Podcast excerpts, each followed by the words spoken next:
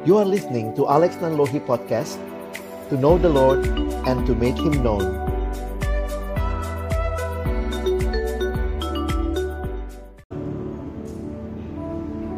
Mari kita satukan hati, kita berdoa. Kami akan membuka firman-Mu ya Tuhan. Kami mohon bukalah juga hati kami. Jadikanlah hati kami seperti tanah yang baik, supaya ketika benih firman Tuhan ditaburkan, boleh sungguh-sungguh berakar, bertumbuh, dan juga berbuah nyata di dalam kehidupan kami. Berkatilah baik hambamu yang menyampaikan firman, setiap kami yang mendengarkan firman. Tuhan tolonglah kami semua. Agar kami bukan hanya menjadi pendengar-pendengar firman yang setia, tapi mampukanlah kami dengan kuasa dari rohmu yang kudus. Kami dimampukan menjadi pelaku-pelaku firman-Mu di dalam kehidupan kami. Bersabdalah ya Tuhan, kami umat-Mu sedia mendengarnya. Di dalam satu nama yang kudus, nama yang berkuasa, nama Tuhan kami Yesus Kristus. Kami menyerahkan pemberitaan firman-Mu. Amin. Shalom. Selamat malam Bapak Ibu yang dikasih Tuhan Yesus Kristus.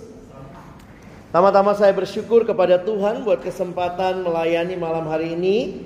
Terima kasih untuk uh, Pak Ben dan juga pengurus dari gereja ini yang boleh memberi kesempatan kita sama-sama belajar. Ini temanya agak sedikit unik Bapak Ibu ya. Mungkin gak banyak orang yang senang ini belajar tentang neraka begitu ya. Ada yang mengatakan oh neraka itu cuma isapan jempol. Tapi yang menarik adalah semua agama punya konsep neraka. Tentu ada perbedaan, ada. Nah, karena itu malam hari ini saya ingin mengajak kita melihat bagaimana firman Tuhan, Alkitab kita memberikan kepada kita pemahaman tentang neraka. Tema yang diberikan kepada kita adalah neraka dan realita di bumi. Sama seperti kerajaan Allah punya tanda-tandanya, maka nanti kita akan perhatikan juga bahwa di dalam orang-orang yang tidak mengenal Tuhan, tidak menerima Dia, maka mereka juga ada di bawah hukuman. Coba kita akan lihat nanti sama-sama pembahasannya. Saya mulai dengan sebuah survei jadi kalau Bapak Ibu perhatikan ternyata lebih dari 90% orang-orang dalam dunia ini percaya tentang surga. Tetapi waktu ditanya tentang neraka ternyata kurang dari 50% yang percaya neraka kekal. Ada yang bilang neraka adalah mitos atau mereka memahami neraka realita eksistensi neraka yang berbeda. Jadi, kalau kita perhatikan bahwa di dalam dunia ini ada banyak konsep-konsep yang ada yang berbeda tentang neraka. Tapi juga ada yang akhirnya bilang, oh nggak ada neraka itu cuma mitos, nakut-nakutin anak kecil. Tapi nanti kita perhatikan, saya mengutip seorang teolog bernama C.S. Lewis. Dia bilang memang ini doktrin yang berat, yang sukar. Bahkan dia mengatakan begini. There is no doctrine which I would more willingly remove from Christianity than this. Maksudnya kalau dia punya kuasa, dia bilang paling uh, doktrin neraka ini yang paling pengen disingkirkan. Tetapi realitanya C.S. Lewis tulis buku tentang neraka. Dan dia mengatakan kalimat ini. Neraka adalah sebuah realitas yang sulit. Tetapi ini merupakan sebuah pengajaran Alkitab. The Bible teaches. Dan kita tidak bisa menghargai, menghayati, mengerti Allah secara penuh dan firman-Nya kecuali kita betul-betul boleh memahami bahwa juga neraka menjadi realita yang ada di dalam Alkitab. Ini C.S. Lewis. Hell is necessary conclusion. Neraka adalah sebuah kesimpulan yang tidak terhindarkan kalau kita terima bahwa manusia itu diciptakan kekal. Bapak Ibu setuju manusia diciptakan Allah untuk hidup selamanya? Karena itu kita punya kehidupan yang kekal. Bedanya apa sama Tuhan? Kalau Allah kekalnya itu tanpa awal, tanpa akhir. Tapi manusia kekalnya punya awal, yaitu waktu Allah mencipta, tapi tidak ada akhir. Kalau hidup itu kekal adanya, maka orang-orang yang terima Yesus akan menikmati hidup kekal. Bagaimana dengan mereka yang menolak Yesus? Mati kekal. Di mana itu?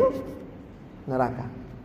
Jadi, kalau kita menerima doktrin manusia itu makhluk yang kekal, maka neraka tidak terhindarkan. Ini konsekuensi logis dari doktrin yang kita pegang. Nah, apa yang dinyatakan dalam Alkitab? Ada banyak ayat yang bisa kita ambil. Malam ini saya ambil beberapa bagian karena saya pikir kalau Bapak Ibu tertarik mungkin bisa baca buku, bisa baca buku-buku doktrinal yang menolong kita menghayati pemahaman yang lebih utuh tentang neraka. Tentu waktu kita terbatas untuk membahas semuanya. Nah, mari perhatikan yang pertama kita buka dalam 2 Tesalonika. Kalau Bapak Ibu bawa Alkitab silakan dibuka. Saya juga sudah tulis ayatnya di atas. 2 Tesalonika pasal yang ini pasal yang ketiga ya, sorry. 2 Tesalonika pasalnya yang kedua ayat yang keenam betul ya oh sorry benar pasal yang ketiga saudara ya pasal yang ketiga ayatnya yang keenam eh, sorry, saya di Alkitab saya mulai dari ayat pasal 1, 2 Tesalonika 1. 2 Tesalonika 1 ayat 6 sampai dengan ayat yang ke-10.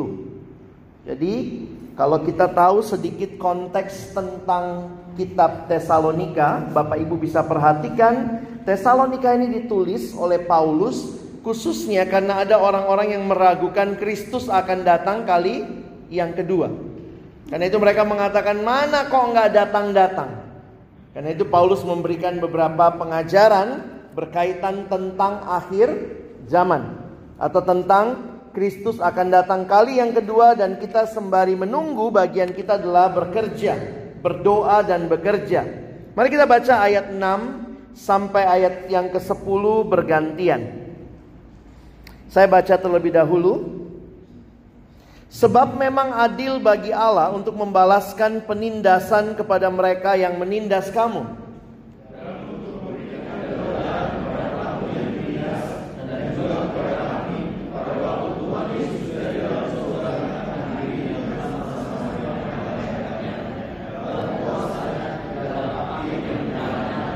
Dan mengadakan pembalasan terhadap mereka yang tidak mau mengenal Allah dan tidak mentaati Injil Yesus Tuhan kita.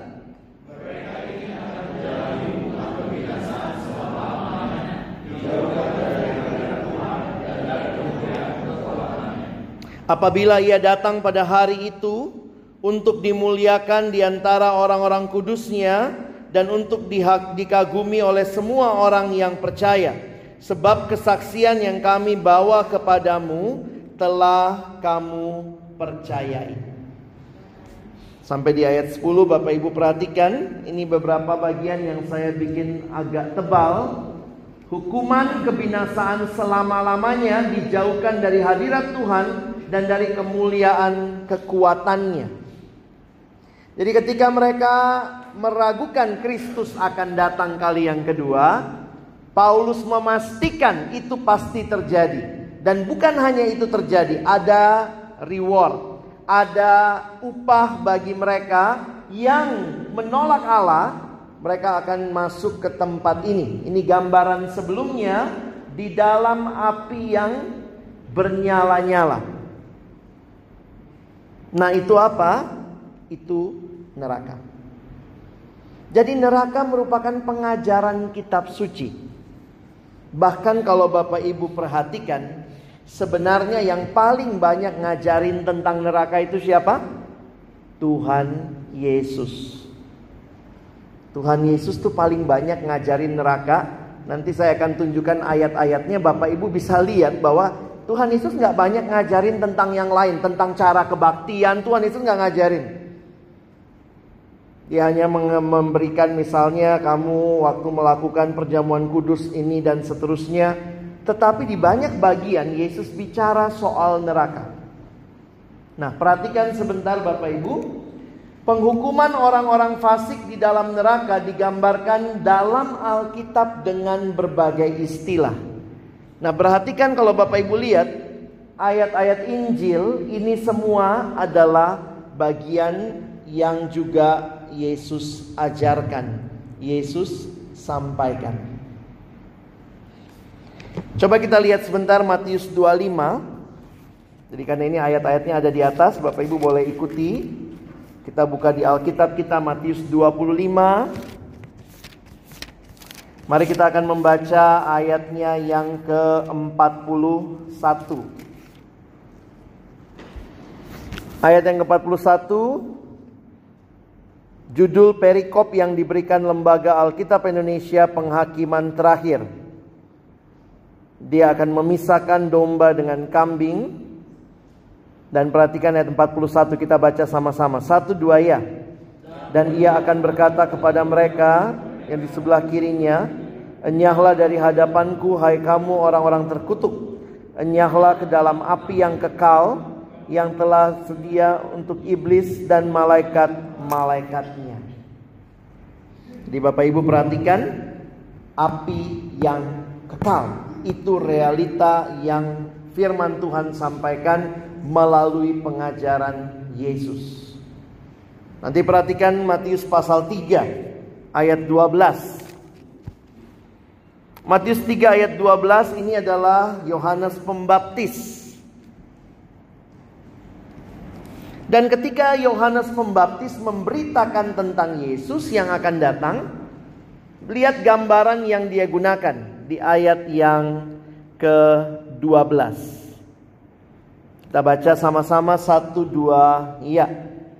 Alat penampi sudah di tangannya, ia akan membersihkan tempat pengirikannya dan mengumpulkan gandumnya ke dalam lumbung tetapi debu jerami itu akan dibakarnya dalam api yang tidak terpadamkan. Alat penampi itu gambaran penghukuman, penghakiman Allah.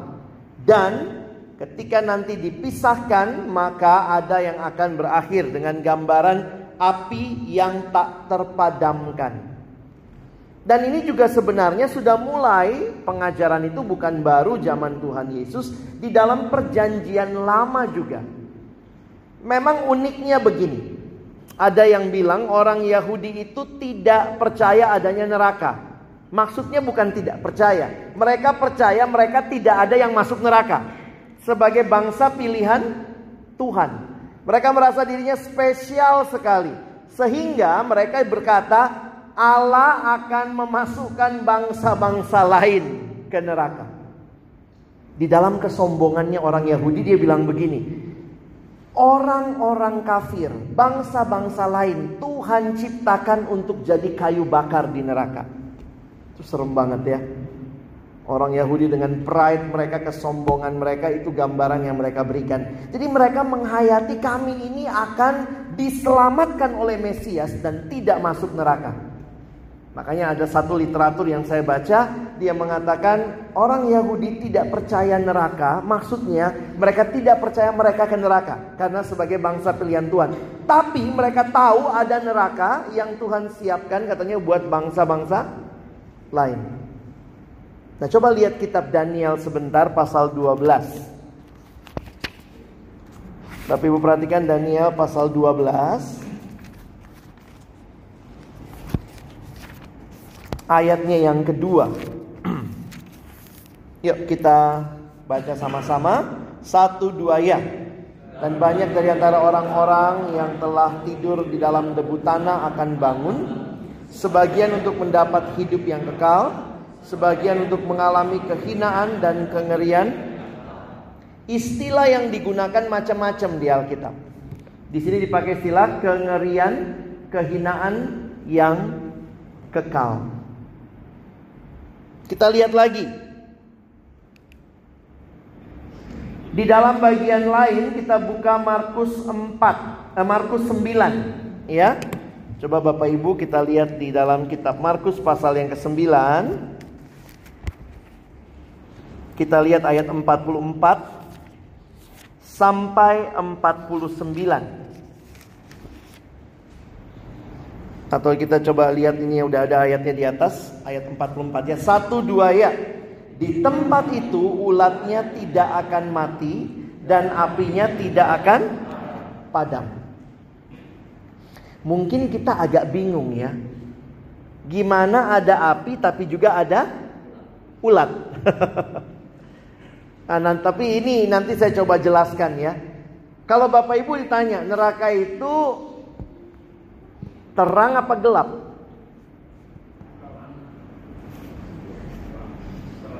Terang, ada apinya.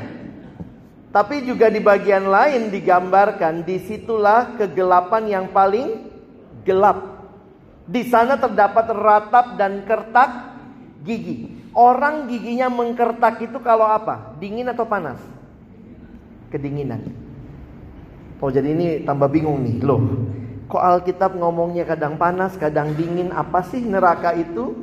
Lihat gambarannya lagi lebih jauh ya. Di dalam Lukas 16 nanti Bapak Ibu lihat sendiri itu tempat penderitaan dan nyala api.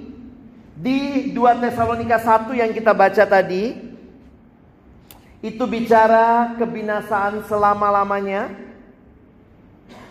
Nanti kita lihat lagi di dalam Wahyu. Nah, ini kita perlu baca nih, Wahyu 14.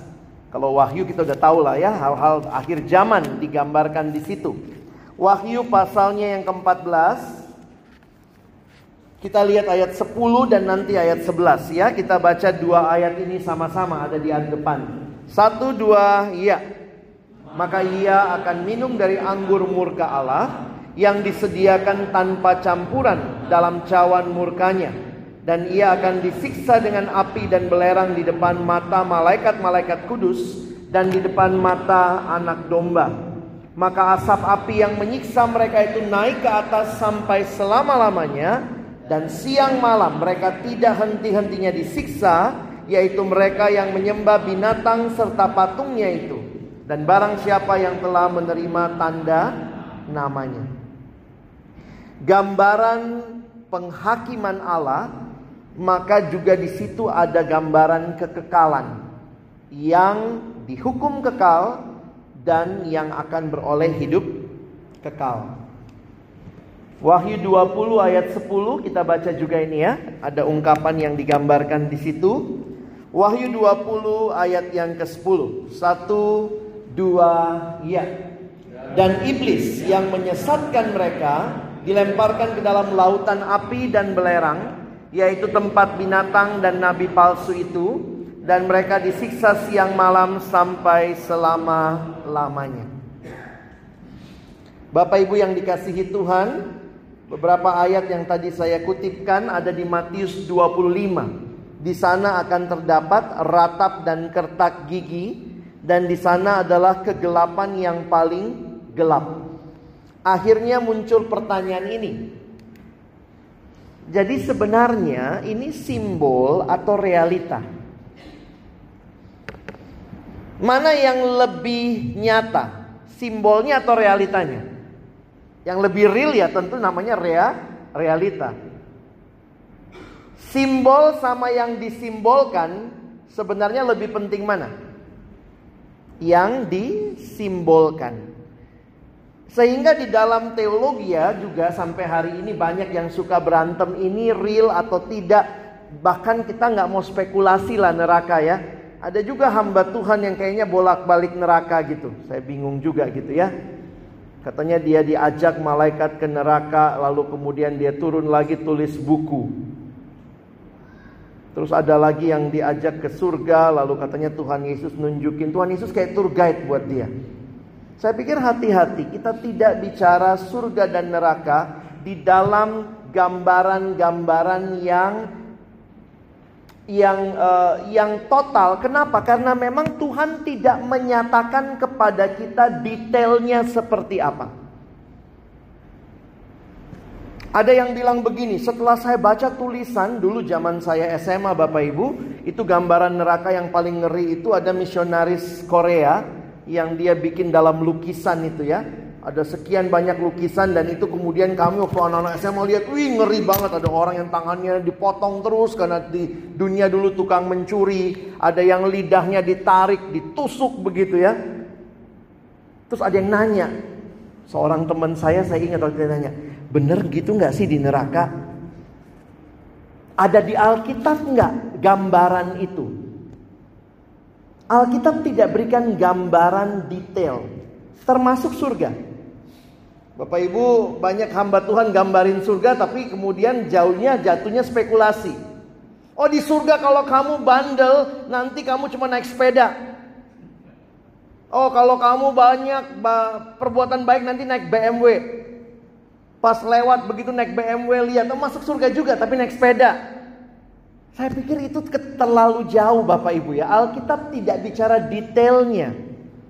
Tetapi Alkitab bicara satu realita yang di dalamnya kita bersama Tuhan selama lamanya. Bagaimana persisnya bentuknya tanpa hamba Tuhan naik turun surga, saya pikir surga sudah sangat indah di Alkitab. Tanpa detailnya. Dan tanpa detailnya pun neraka sudah sangat mengerikan. Sehingga nggak usah coba-coba ke sana begitu ya saya jadi mengerti bahwa kalau ditanya simbol atau real, saya pikir sih pasti ada bagian yang real. Tapi nanti kita waktu ketemu Tuhan baru kita, oh ini toh yang real. Tapi ya kalau kita nggak ke neraka ya sudah Bapak Ibu ya, kita kan ke surga ini ya, yakin ya? Haleluya ya. Ada yang bilang jadi ngapain belajar neraka? Kita kan nggak mau ke sana. Paling nggak tahu Bapak Ibu ya. Supaya jangan izinkan atau mari kita berdoa supaya Tuhan pakai kita bawa keluarga kita juga kenal Tuhan dan ke surga. Ya. Ini adalah sebuah gambaran keterpisahan. Itu adalah gambaran hukuman, gambaran penderitaan, gambaran siksaan dan semua gambaran itu sifatnya kekal. Perhatikan gambaran tadi. Asap itu naik selama-lamanya. Terus digambarkan. Jadi apakah nanti beneran di sana ada api, beneran di sana gelap atau apa? Saya pikir nantilah ya. Itu gambaran-gambaran itu hanya mau menunjukkan ini loh. Kalau bagi Bapak Ibu ini cuma simbol, seorang teolog bilang begini, kalau simbolnya saja begitu ngeri, pasti realitanya lebih ngeri lagi. Ini seorang namanya Arsis Pro. Dia berkata, apabila penjelasan Alkitab mengenai neraka hanya merupakan simbol, kalau kita bilang oh itu semua simbol, maka pasti realitasnya akan lebih buruk dari simbolnya. Karena simbolnya pun udah ngeri banget.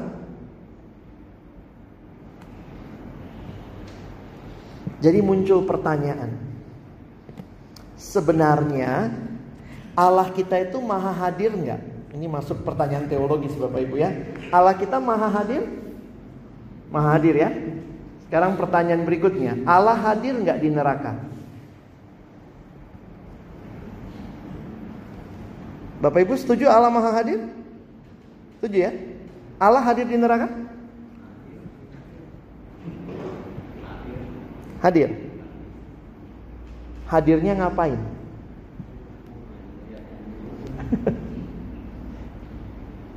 Nah ini pertanyaan teologis karena apa? Nampaknya pemikiran kita tentang surga dan neraka banyak kali dipengaruhi oleh penggambaran budaya dan agama-agama yang di sekitar kita. Kekristenan mengakui Allah Maha Hadir, karena itu Allah hadir di neraka. Pertanyaan lebih lanjut, siapa yang menghukum orang-orang di neraka itu? Kita suka berpikir nanti orang masuk neraka lalu nanti iblis yang hukum dia. Loh iblis ngapain di neraka? Dihukum juga. Pertanyaannya, siapa yang menghukum? Allah. Jadi gambaran ini seorang teolog menyimpulkan Neraka adalah kehadiran Allah di dalam murkanya dan penghakimannya. Di surga, kehadiran Allah di dalam berkatnya, limpahnya anugerah kasihnya. Tetapi di neraka Allah yang sama hadir. Dan ingat, bukan orang yang di neraka tidak dihukum oleh iblis. Karena iblis pun dihukum di neraka. Jadi kadang-kadang saya ingat mama saya dulu kalau masih kecil ya. Kamu masuk neraka nanti sama iblis-iblis tuh. Nanti dihukum sama iblis. Saya bilang ini konsep apa waktu saya udah belajar teologi ya? Hah? Kenapa? Karena kita punya konsep Tuhan tidak mungkin ada di neraka. Loh, kalau Tuhan tidak ada di neraka, apakah dia maha hadir? Kalau dia maha hadir, apa yang dia lakukan di neraka? Maka jawaban teologis ini menolong saya mengerti bahwa Allah hadir secara penuh di dalam murkanya dan penghakimannya. Menghukum mereka yang menolak dia. Neraka merupakan suatu tempat keadilan yang sempurna. Kita di dunia mungkin sikapnya tidak adil. Tapi Tuhan tidak mungkin tidak adil. Neraka membuktikan Allah adil. Dosa harus dihukum. Maka ada tempat penghukumannya. Jadi neraka membuktikan Allah adil. Kalau kita bilang negara kita adil, siapa yang salah harus dihukum. Tapi negara kita nggak punya penjara. Bisa nggak kita bilang kita negara yang adil? Nggak ada penjara. Begitu orang bunuh orang lain, ya sudah, nggak usah masuk penjara. Oh negara, hakim memutuskan, dihukum, tapi nggak ada tempat hukumannya. Jadi sebenarnya realita hadirnya neraka itu membuktikan itulah Allah kita adil. Dan ini yang cukup membedakan kekristenan dengan yang lain. Saya akan coba jelaskan. Neraka adalah kekal tidak ada kesempatan kedua melalui pertobatan ataupun kelepasan dengan kemusnahan. Bapak Ibu saya coba jelaskan konsep ini. Kenapa konsep ini penting digarisbawahi bagi kita orang Kristen? Karena ini yang saya katakan paling membedakan kekristenan dengan semua agama yang lain. Hampir semua agama atau tadi saya bilang di awal ya sebenarnya semua agama punya konsep neraka. Juga punya konsep surga. Tapi saya coba jelaskan begini. Di dalam banyak agama neraka itu tidak kekal. Neraka itu cuma tempat menghukum sementara. Konsepnya apa? Ini konsepnya seperti beberapa agama besar ada yang bilang juga Islam sedikit banyak juga seperti itu. Walaupun mereka menyangkal juga, ada satu artikel saya baca dia mengatakan mereka tidak menolak, mereka menolak uh, neraka tetap mengerikan. Konsep mereka begini, semua nanti masuk surga kok. Akhirnya semua masuk surga. Wah, asik banget ya konsepnya ya. Semua masuk surga. Jadi kalau Bapak Ibu contohnya ya, nyolong ayam. Nyolong ayam kan dihukum nih masuk penjara tiga bulan habis tiga bulan dihukum terus keluar. Jadi konsep mereka juga sama. Oke lah dia di dalam dunia jahat. Maka pada penghakiman Allah dia akan dihukum. Dihukum dijatuhin hukuman.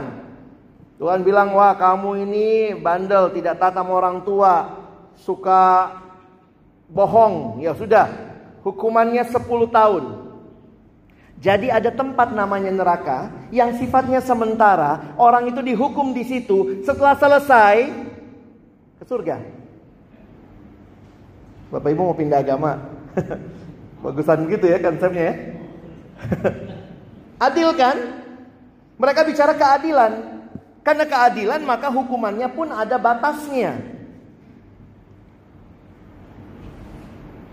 Tapi ini beda sekali sama kekristenan. Kristen mengatakan tidak, neraka itu kekal. Apa yang Bapak Ibu, Saudara dan saya putuskan sekarang punya konsekuensi kekal. Terima Yesus, hidup kekal. Menolak Yesus, binasa, mati kekal. Di dalam konsep yang lain, sebenarnya seperti Buddha Hindu, mereka tidak punya konsep khusus tentang surga dan neraka karena konsep mereka tentang hidup itu beda sama kita. Ya. Kalau kita itu punya konsep hidup yang linier, mulai di satu titik bergerak maju, nggak bisa balik. Kalau Hindu, Buddha tidak. Mereka percaya hidup itu sebuah circular, lingkaran. Mati, lahir lagi. Sehingga mereka percaya reinkarnasi. Karena itu mereka tidak butuh surga dan neraka. Yang mereka kejar bukan ke surganya kalau Buddha, tetapi mereka mengejar bersatunya dengan sang Buddha itu. Nanti kalau Bapak Ibu mau pelajari lebih lanjut menarik karena mereka tidak mengenal konsep dosa. Kita karena mulai di satu titik maka bergerak maju, maka yang namanya dosa, upah dosa Alkitab bilang adalah maut. Mereka tidak mengenal dosa. Kenapa tidak mengenal dosa? Karena kan bakal lahir lagi. Karena bakal lahir lagi maka tidak ada penghukuman. Lalu yang ada apa? Itu yang mereka sebut karma. Karma sebenarnya hukumnya hukum tabur tuai. Apa yang kau tabur itu yang kau tuai. Alkitab kenal hukum itu. Tapi Kristen kita tidak percaya karma.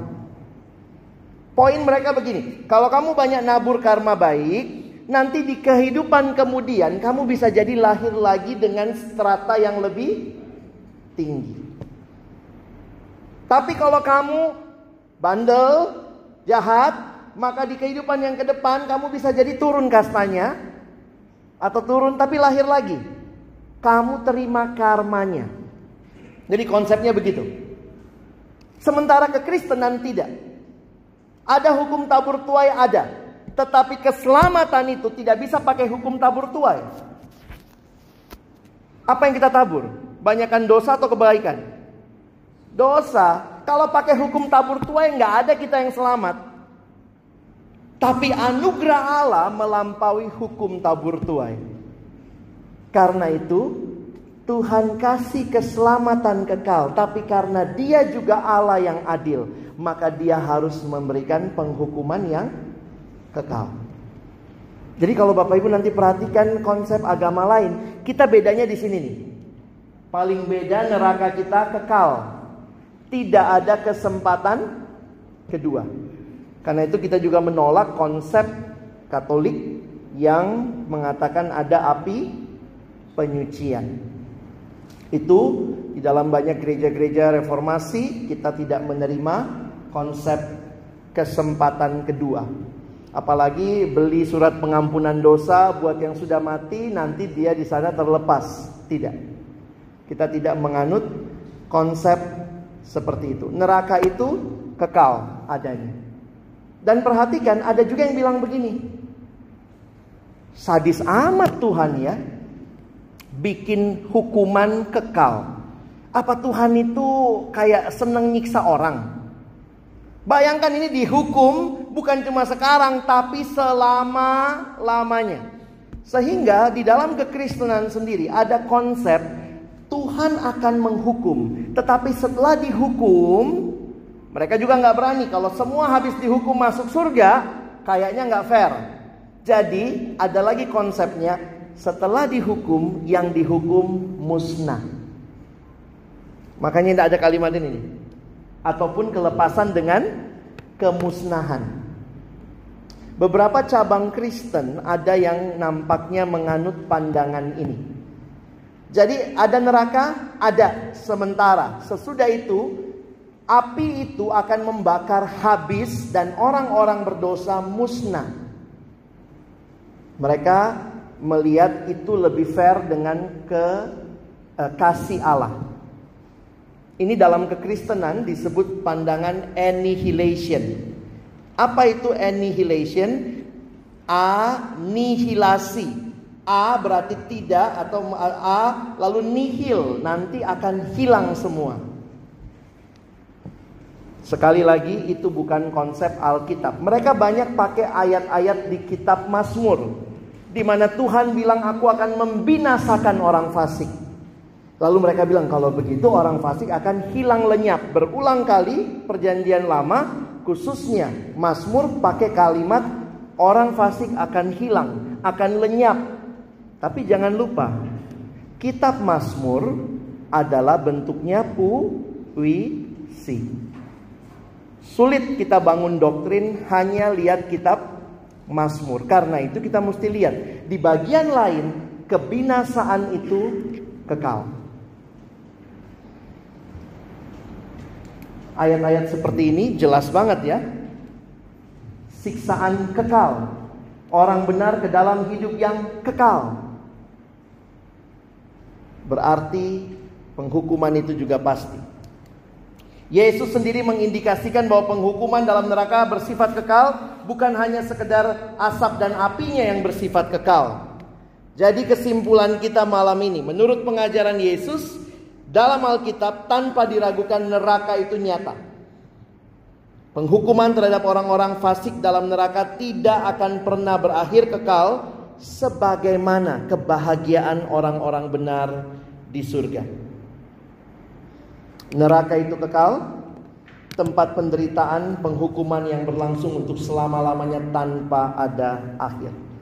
Setelah saya belajar ini, saya kaget Bapak Ibu. Dari semua konsep neraka, konsep nerakanya Kristen Alkitab paling ngeri. Ngeri banget.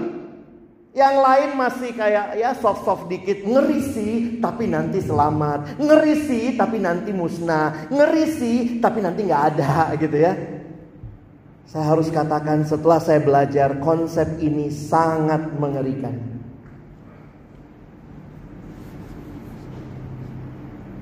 Tapi apa yang mau kita lihat malam ini? Ketika Bapak Ibu sadar betul neraka begitu mengerikan, maka kita bisa berkata, "Puji Tuhan." Setiap kita yang percaya Yesus tidak binasa, melainkan beroleh hidup yang kekal. Ketika kita mengerti betapa mengerikannya upah dosa yaitu maut binasa kekal dan melihat keselamatan Allah. Saya pikir di sini kita baru mulai bisa menghayati betapa luar biasanya keselamatan. Bapak Ibu banyak orang take it for granted keselamatan ya. Ya sudahlah, sudah Kristen dari kecil ya lahir ya bapakku Kristen, mamaku Kristen, masa saya agama lain. Tapi ketika kita tahu Yesus datang bukan untuk membawa yang jelek jadi lebih cantik. Itu kalimatnya jelas kan? Karena begitu besar kasih Allah kan dunia ini yang mengaruniakan anak yang tunggal supaya setiap orang yang percaya kepadanya tidak binasa. Yesus tidak hanya bawa kita dari yang jelek jadi cantik. Kalau itu cukup yang datang go glam. Itu di Gojek ada itu ya. Bisa panggil tukang sisir apa rambut ke rumah. Yesus tidak datang untuk bawa kita yang bodoh jadi lebih pintar. Yesus tidak datang membawa kita yang miskin jadi kaya. Bukan cuma itu.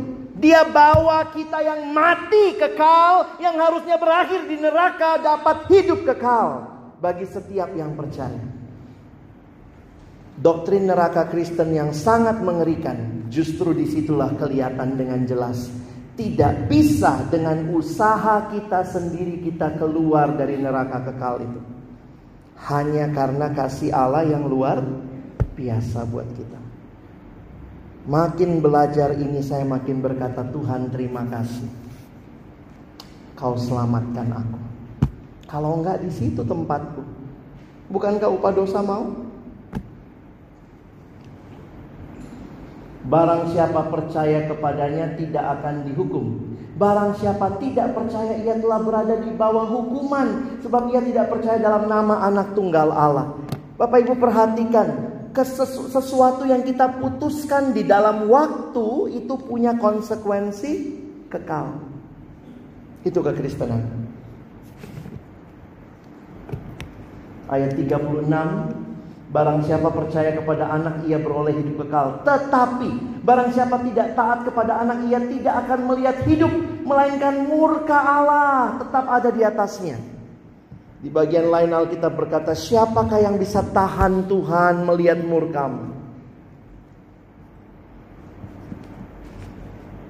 Bapak ibu orang kalau nggak sadar dia sakit Biar seribu dokter juga lewat Dia nggak berasa butuh pertolongan ya. Begitu kita lihat ngeri sekali neraka itu. Dan saya tidak bisa lepas dengan kekuatan saya, tapi ketika saya tahu Tuhan selamatkan luar biasa. Jadi belajar doktrin neraka ini menolong kita apa? Dua hal Saudara. Pertama, mendorong kita hargai karya Yesus. Yesus bukan seperti pendiri agama yang lain. Pendiri agama cuma datang bawa ajaran-ajaran-ajaran supaya dari yang hidup jelek bisa lebih bagus hidupnya. Yesus datang membawa hidup itu sendiri. Karena dialah kebangkitan dan hidup. Makin mengerti ngerinya neraka, makin Bapak Ibu Saudara dan saya hargai. Terima kasih keselamatanmu Tuhan.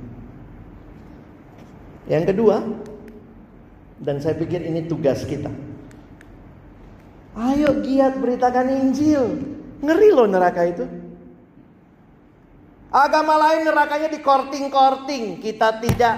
Neraka kita tidak korting. Ngeri banget. Karena itu.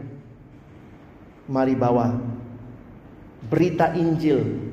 Supaya ketika orang mendengar berita tentang Yesus mereka pun boleh datang dan diselamatkan.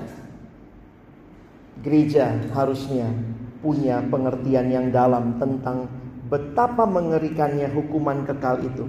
Sehingga gereja terus terdorong, Tuhan aku mau membawa mereka kepadamu. Gereja yang bertumbuh, bukan cuma gereja yang banyak dapat pengajaran, tetapi gereja yang bersaksi karena sudah dapat pengajaran itu. Bagaimana dengan keluarga kita? Apa yang bisa kita pastikan Pastikan mereka makan cukup, anak-anak sekolah baik, atau kita juga pastikan mereka kenal siapa Yesus yang bisa melepaskan mereka dari binasa kekal masuk ke dalam hidup kekal. Bagaimana keluarga besar kita? Adakah doa-doa yang terus kita naikkan? Tuhan tolong, ada kesempatan saya beritakan Injil kepada mereka.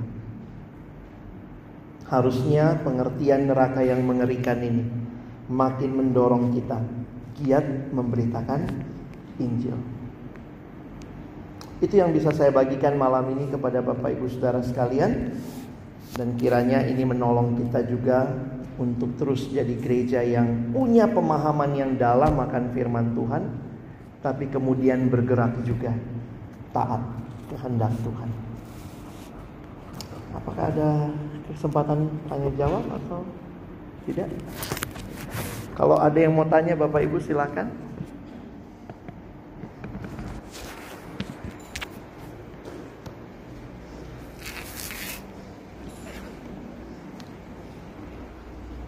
Silakan Pak. Iya. Iya.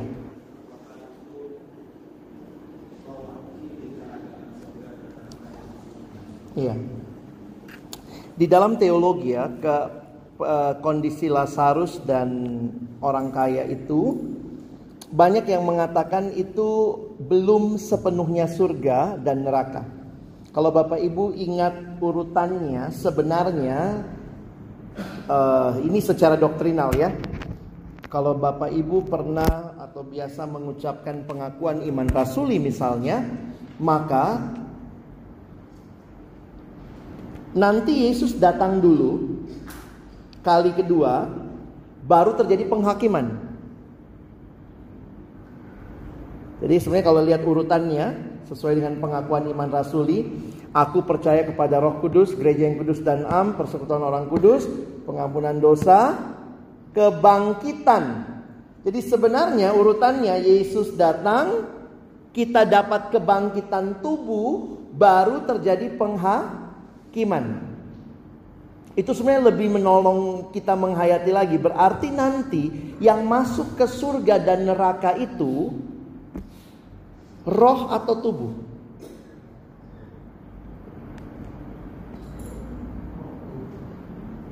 Tubuh atau roh? Manusia itu kesatuan tubuh dan roh. Cuma punya tubuh nggak punya roh namanya mayat. Cuma punya roh nggak punya tubuh, Casper, hantu gitu ya. Jadi manusia, nah menariknya begini, nanti yang dihukum, yang dihakimi itu manusia. Yang masuk surga dan masuk neraka itu manusia. Alkitab tidak mengatakan yang masuk tubuhnya atau rohnya saja, tidak. Karena itu kita menghayati Aku percaya akan kebangkitan tubuh, kebangkitan orang mati, kebangkitan daging, lalu sesudah itu hidup kekal. Berarti itu yang kalimat Alkitab ya, waktu Yesus datang, maka orang-orang yang dahulu mati akan bangkit menerima tubuh kemuliaan. Sesudah itu kita yang tinggal akan diubahkan, kita semua pakai tubuh kemuliaan menghadapi penghukuman. Sorry, penghakiman. Setelah penghakiman itu barulah surga dan neraka. Jadi secara teologis nih kalau ditanya, sudah ada yang ke surga? Belum belum terjadi kebangkitan. Nah, bagaimana dengan Lazarus? Secara teologis Lazarus pun yang digambarkan di pangkuan Abraham itu digambarkan seperti ruang tunggu roh. Karena Lazarus belum bangkit. Orang kaya juga belum bangkit. Jadi makanya dalam teologi ada yang mengatakan itu sebenarnya tempat antara di mana roh menunggu. Makanya ada yang bilang ini bahasa sederhananya ruang tunggu roh. Nah, ruang tunggu roh itu sudah dua suasana. Sudah bernuansa surga dan sudah bernuansa neraka. Dan tidak terseberangi, makanya waktu Lazarus eh, orang kaya bilang suruh dong Lazarus kemari nggak bisa dan tidak ada kaitan dunia roh dengan dunia kita sekarang. Waktu Lazarus bilang sama Abraham, "Masih ada saudaraku di dunia. Tolong Bapak Abraham, suruh orang balik dari sini supaya kasih tahu." Abraham bilang, "Pada mereka sudah ada kitab suci." Jadi balik lagi di dalam teologia Lazarus dan orang kaya belum kebangkitan itu nampaknya ruang tunggu roh yang sudah bernuansa surga dan neraka. Jadi mungkin kira-kira, jadi ruang tunggunya aja indah seperti itu Bapak Ibu ya. Apalagi surganya, apalagi nanti kita sama Tuhan selama-lamanya. Dan sudah mulai ada penyiksaan di ruang tunggu roh yang sifatnya dialami oleh uh, orang kaya itu ya. Dia sangat haus di situ dan seterusnya. Oke, ada lagi satu mungkin Bapak Ibu kalau ada yang mau bertanya.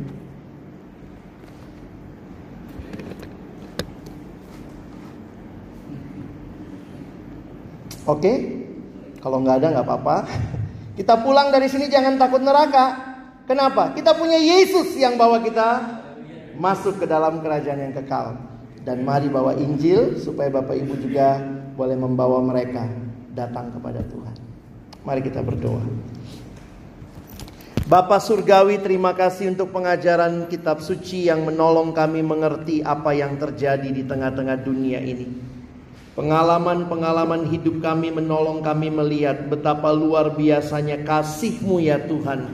Betapa luar biasanya keselamatanmu ya Tuhan. Kau membawa kami dari mati kekal. Kami boleh alami hidup yang kekal. Dan Tuhan pakai kami membawa orang-orang di sekitar kami kenal Tuhan, supaya mereka pun boleh menikmati kehidupan yang kekal. Terima kasih, kami tidak takut lagi akan neraka, karena kami punya Kristus jawaban atas pergumulan dosa kami yang begitu mengerikan. Terima kasih Tuhan, tolong kami bukan cuma jadi pendengar firman yang setia, mampukan kami jadi pelaku-pelaku firman Dalam nama Yesus kami berdoa. Amin.